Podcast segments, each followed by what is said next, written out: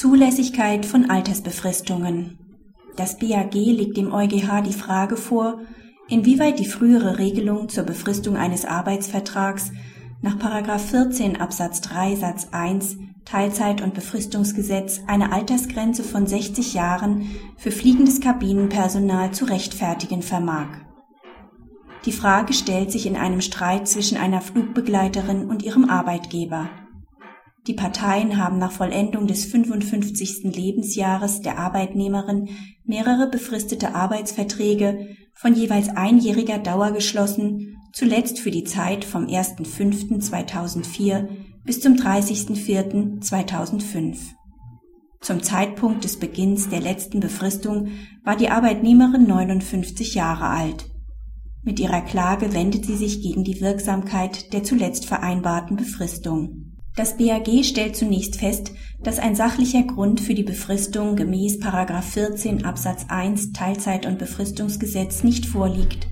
Es ist zwar grundsätzlich zulässig, mit einer Befristung unerwarteten altersbedingten Ausfallerscheinungen Rechnung zu tragen, sofern durch die körperlich nachlassende Leistungsfähigkeit Gefahren für Leib und Leben anderer Personen entstehen können Anders als bei der Cockpitbesatzung sind jedoch für Kabinenmitarbeiter keine Umstände ersichtlich, die auf eine überdurchschnittliche physische oder psychische Belastung und ein damit verbundenes altersbedingtes Nachlassen der Leistungsfähigkeit mit einer Gefährdung der Flugzeuginsassen oder Personen in den überflogenen Gebieten schließen lassen.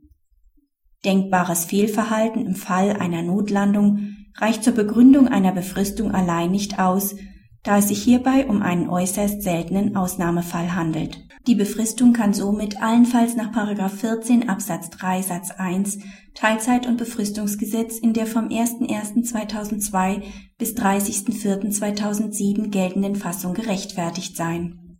Danach war die Befristung eines Arbeitsverhältnisses mit Arbeitnehmern, die das 58. Lebensjahr vollendet haben, auch ohne sachlichen Grund zulässig die Voraussetzungen der Norm liegen im Streitfall an sich vor.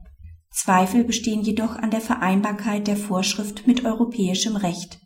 Der EuGH hat in der Sache Mangold entschieden, dass die in 14 Absatz 3 Satz 4 Teilzeit- und Befristungsgesetz alte Fassung vorgenommene Herabsetzung des maßgeblichen Lebensalters von 58 Jahren auf 52 Jahre für sachgrundlose Befristungen europarechtswidrig ist der Entscheidung lässt sich nicht eindeutig entnehmen, ob sie abweichende Altersgrenzen, wie im vorliegenden Fall die Grenze von 58 Jahren, erfasst.